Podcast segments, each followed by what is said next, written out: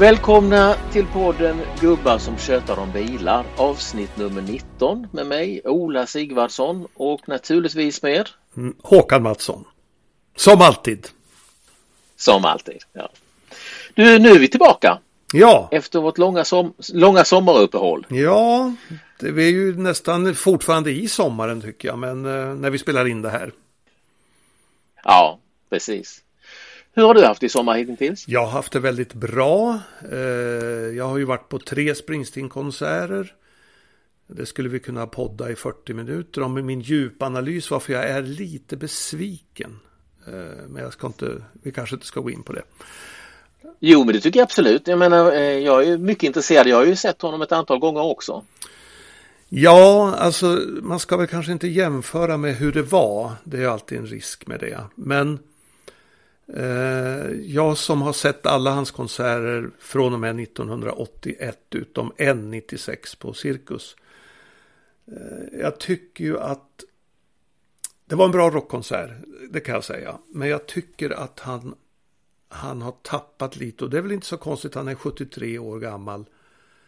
Och har ju inte samma liksom så här liv på scenen längre. Och vad jag saknade var samspelet med sina musiker. För att förr i tiden brukade han stå på Roy Bittans piano och det brukar fram och tillbaka. De blir väldigt stillastående och han går ju lite grann som Joe Biden om jag ska vara ärlig. Han ska ju ta sig ner för en trapp där på konserterna och det gör han ju med bra resultat hittills. Nu har jag haft sin sista i Europa när vi spelar in det här. Men han har ju ramlat, han har ju ramlat ett par gånger när han ska gå upp för trappen. Okej. Okay. Nej men det mm. låter ju lite grann som vad jag har läst mig till om Eldkvarns sista konserter. Ja. Det har ju beskrivits på ungefär samma sätt. Ibland lite bristande kontakt och att Plura inte längre förmådde kanske hålla ihop det på det sättet som förr. Och det är väl inte så konstigt. Nej, det är väl inte så konstigt. Jag tänker parallellen Elton John där. Han gjorde ju sin sista spelning nu i Stockholm och han tänker ju inte sluta med musik. Men han kommer inte att göra de här stora turnéerna och lite så kan jag känna med Springsteen att eh, arenarockens tid kanske är förbi. När man inte längre kan springa längs scenen och hasa på knäna. Då kanske man ska hitta ett annat format. Fortsätta spela musik men ja, jag vet inte om jag är kräsen eller om jag, men jag var lite besviken. Mm. Eh, sen var det bra rock och han, han gör ju sitt jobb liksom och, och sådär men och sen var det ju några plumpar i protokollet. Den här Kitty's Back som han envisas att spela med på. Spela alla konserter som ju är oändligt lång. Och alla ska få spela, alla ska få göra solon och alla ska. En annan sak om jag, nu ska vi snart sluta prata om, men det var att det var så väldigt, väldigt fixerat på Bruce Springsteen. Men är inte det själva idén? Jo, men det hänger ihop med det här samspelet lite grann. Eh, lite grann sådär som när det blir allt ljus på mig. Nu ska allt handla om Bruce Springsteen. Och jag tänkte på det flera gånger och bland annat när, när han är nere och kör Night Shift som är en duett med en, en soulsångare. De står bredvid varandra på scenen. Men på storbilden visar man bara Bruce Springsteen. Det tycker jag är mm. väldigt konstigt. Jag gillar inte att uh, att liksom det blir så väldigt mycket fokus på honom. 90% av alla gitarrsolon tar han själv trots att han har en av världens bästa gitarrister, Nisse Lövgren som jag kallar honom, på scenen. Som gör ett stort fint solo i Because the Night och det, är ju, det, är, det var ju helt magiskt bra. Den ena konserten bättre än den andra. Ja, nu ska vi prata, slut, sluta prata om Springsteen. Ja, hur har det varit på bilfronten då? Ja, den 16 juni blev jag ju påkörd av en man i en orange BMW 1-serie cab som bröt mot eh, både väjningsplikt och högerregel, högerregel och träffade bakhjulen på min fina Kia EV6. Och sex veckor senare så fick jag besked om att den nu är den äntligen reparerad. Sex veckor? Men du har inte varit utan bil ju? Nej, jag har ju kört Alfa Spider såklart. Men men det ändå lite, ställer ju till i vardagen lite. Jag menar, jag, jag kan ju inte ta med barnbarnen i min Alfa Spider. Och så vidare och så vidare, för de är ju två. Mm. Så att lite praktiskt, och det, det, blir väldigt mycket praktiskt problem kring det där alltså. Det, det är en enkel jo. smäll, men... Och jag menar, jag ska gå skadelös i det hela, men jag har ändå sex veckors krångel. mm. bakom mig. Nej, på tal om barnbarn så är det ju någonting som har dominerat min sommar. Inte minst, inte minst de mm. två veckorna vi hade hand om våra två yngsta barnbarn. Gör det som Märta. Eh, fantastiskt roligt men man behövde lite rehab efter de där två veckorna kan jag säga. Om man ser det ur ett bilperspektiv så är det ju det här att jag ägnade gårdagen åt att ligga i baksätet på min i3 och skapa bort intorkad vaniljglass och lite andra saker som jag inte kunde identifiera. Det var faktiskt dit jag tänkte komma liksom med det här med barn i bil. Får de i dina bilar, får de äta glass alltså? Ja, alltså jag, försö jag försöker vara lite återhållsam men jag tillåter det ja. Kexchoklad? Nej, det skulle jag inte tillåta vare sig vuxen eller ung att, att äta. Det, liksom det här med choklad, spröd choklad som faller ner på tygsäten och liksom bara smälter in. Nej, det är hemskt. Oh, det, här, det gör ont i mig. Jag är ju ganska oförsonlig. Jag brukar alltid säga att eh, min bil är ingen rullande restaurang ska man äta och dricka får man gå ut och ställa sig utanför. Jag, jag förbjuder till och med kaffe, eller till och med kaffe. Det var ju katastrof om kaffe. Tänk dig kaffe mm. efter en inbromsning. En mugg kaffe i sätet. Nej, det går inte. Men jag är inte alls så eh, hård som du. Jag tycker till och med att det kan vara härligt när man ligger och kör mellan Stockholm och Skåne som jag gör så ofta. Att ja, stannar man på McDonalds i Jönköping och tar in en Big Mac och åker vidare. Sparar man mycket tid på. Ja, fast du vet, då är det fördelen med elbil. Va? Då måste man ändå sätta sig ner och ladda. Och då kan man dricka färdigt upp sitt kaffe och äta sin korv och stoppa i sig sin kexchoklad och sen är det färdigladdat och åker man vidare. Men alltså jag tycker då att, menar McDonalds är ju som det är förstås, men annars vägkrogarna som du ska stanna vid, de är ju ofta så himla dåliga. Ja, jag har haft en period när jag åker in i jag kan åka in i städer och sånt där. Jag kan hitta pärlor lite här och där. Jag tror jag har en, ett tips då kanske. Ja, mm. Bo Boxholm var hittade jag en gång en väldigt fint. Både konditori och väldigt fin lunchrestaurang. Och det är visserligen en mil eller något sånt här från motorvägen. Men det, kan det vara värt. Faktiskt. Jo, jo det, ju, det ligger ju i spridningsområdet till min gamla tidning Östgöta-korrespondenten. Ja, jag, har, precis. Jag, har varit, jag har varit där. Du har varit där? På kaféet. Ja. Mm. ja, du vet vilket jag tänker på då? Ja, absolut. Mm. Alltså själv så har jag skaffat mig ett favoritställe när jag då stannar och inte käkar Big Mac i bilen. Så är det ju på den här konsthallen Vandalorum i eh, Värnamo. Eh, spännande utställningar nästan alltid och så fantastiska lunchserveringar. Förstklassig mat. Vandalorum. En annan, ett, ett annat tips är ju golfrestauranger faktiskt. Ja. De brukar nästan alltid mm. vara bra. Mm. Ja, nej men eh, där, vi, vi börjar den här hösten med att ha olika syn på en fråga. Det var eh, uppfriskande. Min bil får vara en rullande restaurang. Nej, det är otänkbart tycker jag. Otänkbart. Men du, eh, vi nåddes ju nyligen av ett sorgligt besked. Alltså, um, om man nu får gå från det, denna lättsamma sida till något mycket allvarligare. Och det är ju att Peter Horbury, designern, har dött. Jag har träffat honom för länge sedan och du har ju träffat honom ganska mycket. Vem, mm. vem var han?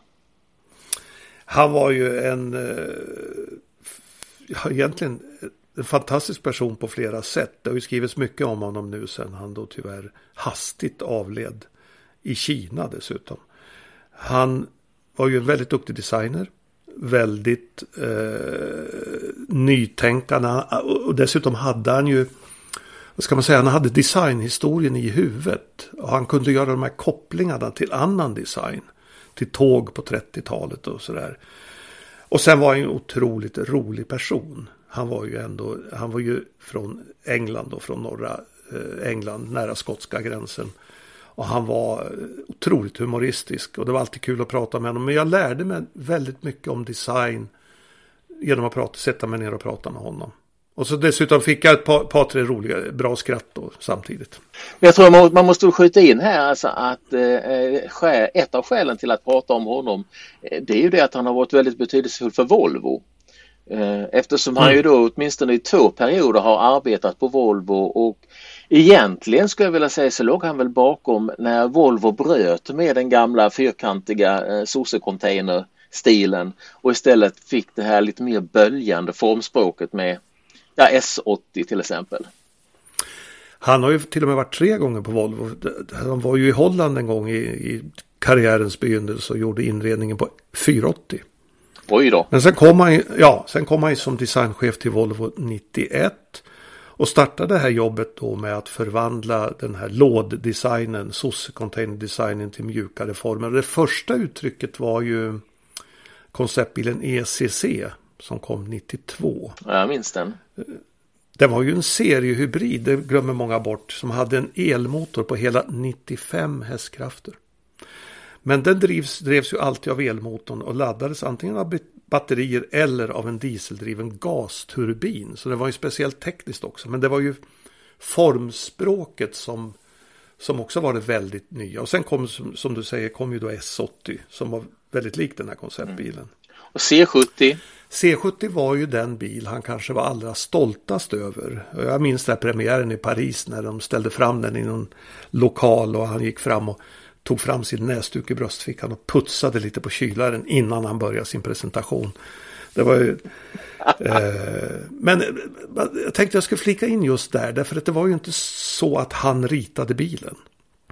Frågan är vad är en designchef? För den bilen ritades ju antingen av Ian Callum eller den jävlebördige Anders Gunnarsson. Det där har de ju, har ju, har man ju bråkat lite om. Men Horbury förklarar för mig en gång att en, att en designchef är som en regissör. Det vill säga, en designchef är som en regissör. Han har ofta inte skrivit manus. Han filmar ju inte, han är inte fotograf. Han spelar inte rollerna.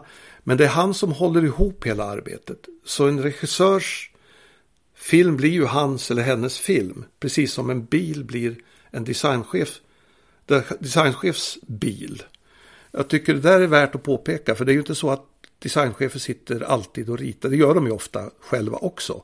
Men de är ofta med som en arbetsledare, projektledare där, man, där de liksom bygger ihop, de anger tonen, riktningen, ditåt ska vi gå och sen är det andra som kommer in och, och håller i pennorna. Ja precis, men det måste ju ändå vara så att de har en vision, en, ja, en inriktning. Han måste ju ja. någonstans där i inledningen ha sagt att nu ska vi inte göra en lådbil utan nu ska vi göra en, en vacker bil. Eller någonting sånt måste han ju ha kommit med till sin, till sin grupp. Ja, och han, eh, det var ju en hel del internt motstånd då att, att Volvo borde vara lådliknande. Inte minst för att signalera, signalera säkerhet. Att en, en låda är liksom säkrare än en, en rund bil.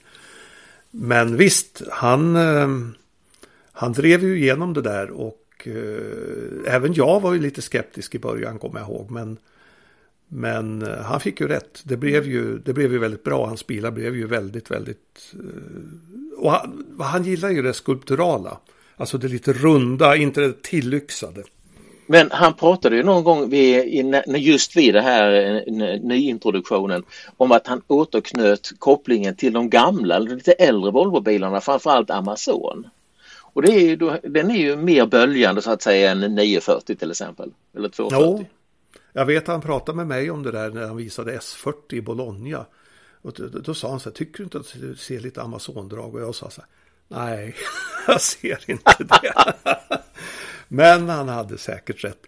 Sen blev han ju, blev han ju då, Ford ägde ju Volvo på den här tiden. Och sen flyttade han ju över till Detroit och fick ansvaret för Fords alla amerikanska modeller. Jag tror det var ett 80-tal eller något sånt där på sin tid. Så att eh, han var ju, han var ju stor i USA också.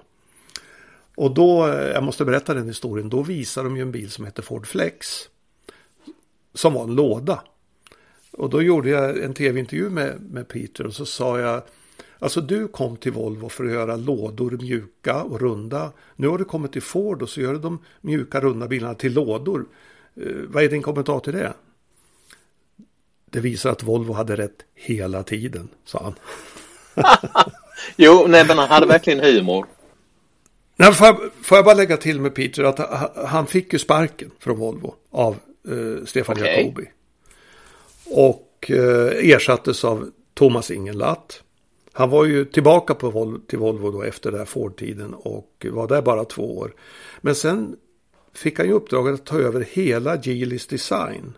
Alla märken i Kina de nya märkena Lincoln Co, Geometry, Seeker som ju nu lanseras. Så han fick ju en, ny, en nytändning, en, en ny mm. vår. Och han, sa han också till mig en gång att om jag nu skulle träffa Stefan Jacobi så vet jag inte om jag skulle sparka honom på smalbenen eller tacka honom.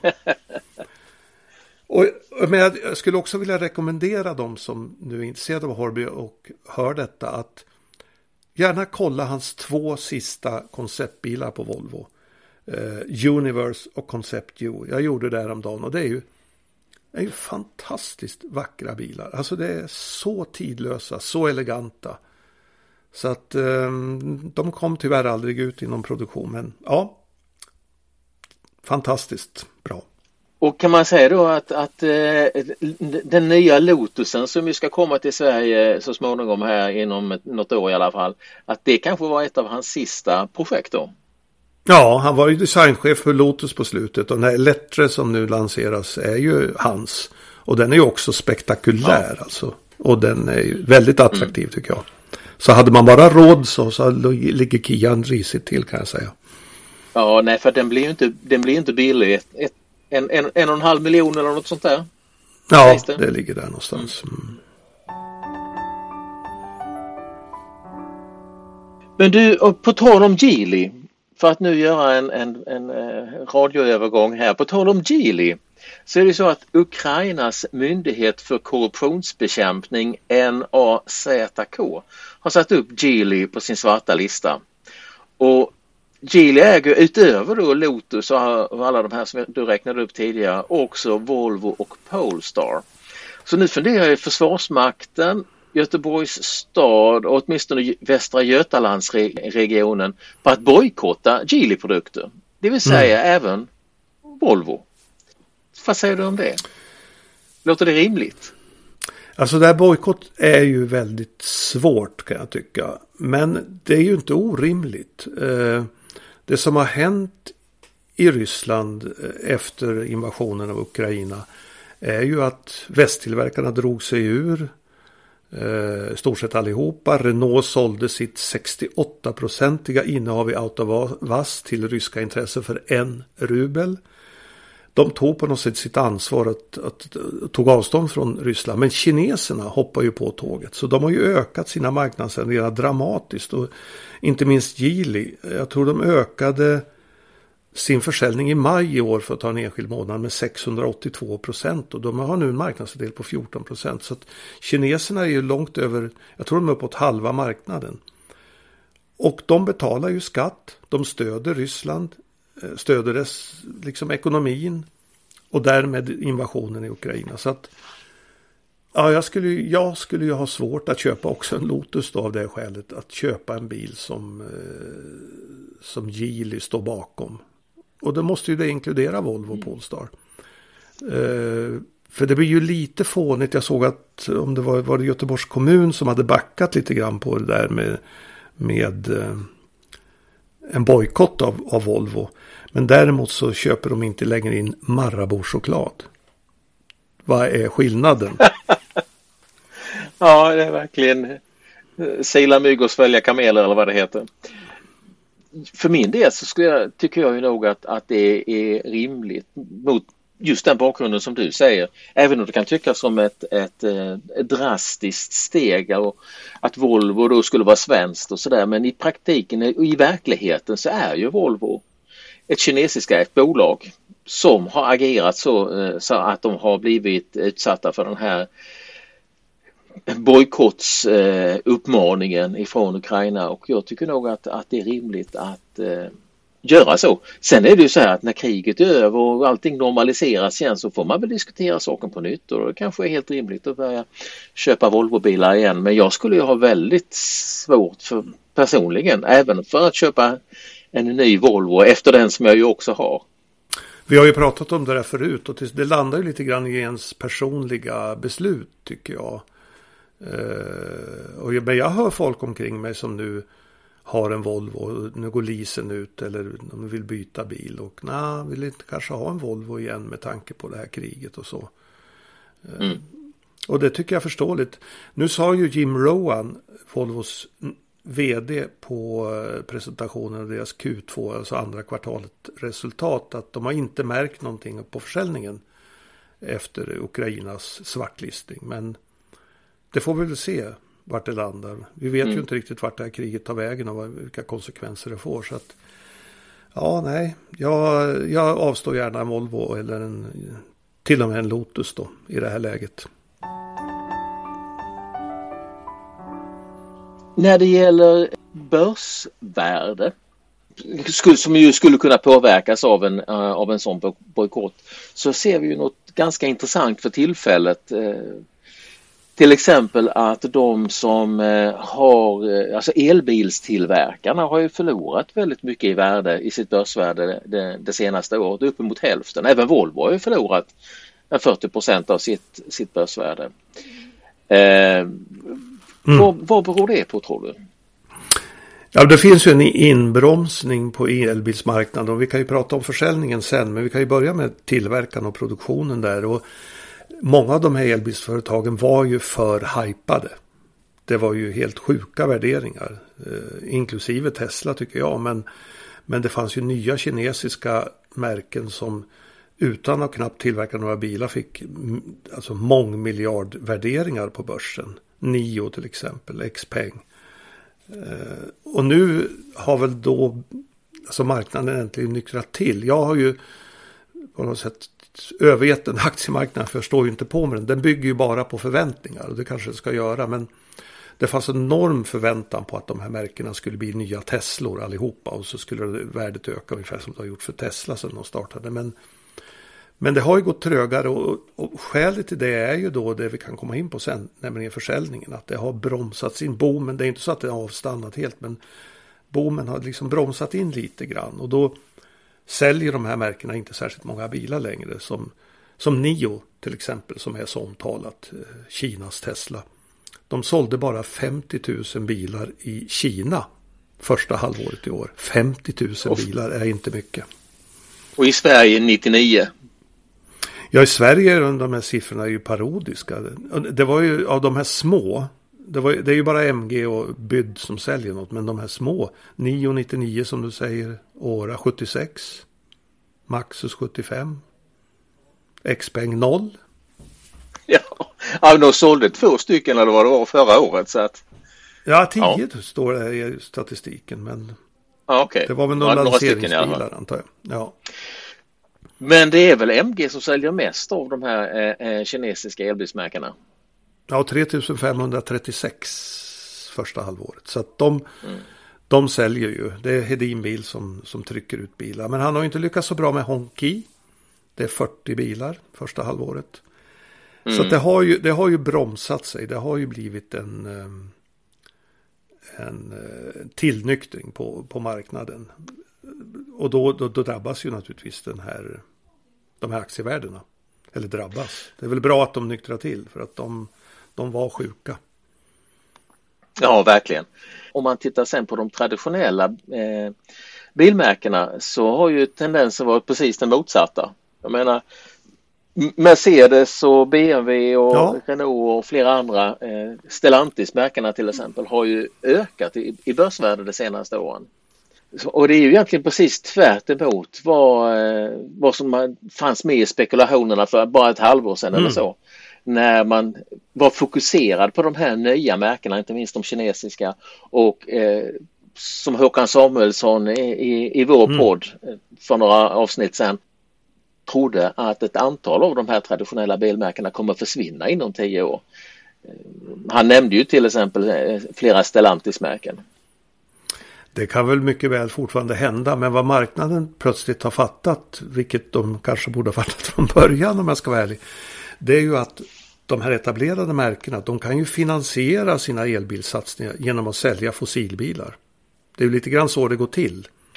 Du, mm. du, eh, för att ta en, en halsbrytande parallell. Jag menar Toyota, de har ju image av att göra fina hybridbilar, snåla bilar. Men men de eh, finansierar ju mycket det genom att sälja Land Cruisers i eh, Ryssland. Förra om åren. Törstigaste mm. bilen av alla. Så att, att ha kombon under en period, ytterligare en period, kanske inte är så dumt. För att det är fortfarande så dålig lönsamhet i elbilar. Så är det ju. Renodlade elbilar. Utom för Tesla då. Man kan ju också säga då att eh, det finns ju en, en, annan kunskap inom de här traditionella bolagen som eh, Mercedes och BMW och Audi och de här. Jag menar de har gjort bilar så lång tid så att vad det gäller till exempel säkerhet och bekvämlighet, eh, alltså hur man gör en kvalitativ bil, det har de ju koll på. Och det är väl ja. det de försöker överföra då i, i elbilsvärlden just för tillfället. Jag noterade vad det gäller då förluster och vinster att Nio som jag återkommer till de förlorade 8 miljarder under första kvartalet kronor. Och det har gjorts en beräkning att innan de blir lönsamma, själva säger de att de kommer bli lönsamma 2025, så kommer de ha förlorat 105 miljarder kronor. Det kanske inte är så dumt att sälja lite bensinbilar vid sidan om för att liksom täcka upp de där förlusterna. Som de här nu, och, och så ser man kanske också nu i marknaden att det finns spännande framtidsplaner. Jag är väldigt spänd på vad som händer med Renault. Jag tror att det kan bli eh, en, en riktig hit alltså när, när de kommer igång med sina elbilar. Varför tror du det? Ja, men jag tror att de, de satsar väldigt rätt och de verkar ha spännande teknik på gång. De har nu fått eh, ytterligare en investering på ett, runt 6-7 miljarder från Nissan. Eh, ja, men jag tror att, att de, de eh, jag har, det är väl så att jag har ett visst förtroende för Luca Di Meo som är vd sedan några år. Jag tror han förstår mm. vad som behöver göras och vad som ska göras. Eh, och ytterligare en komponent är ju den här satsningen på Alpin då, sportbilsmärket som tydligen ska få egen bottenplatta för sina elbilar och de kommer att göra diverse olika modeller.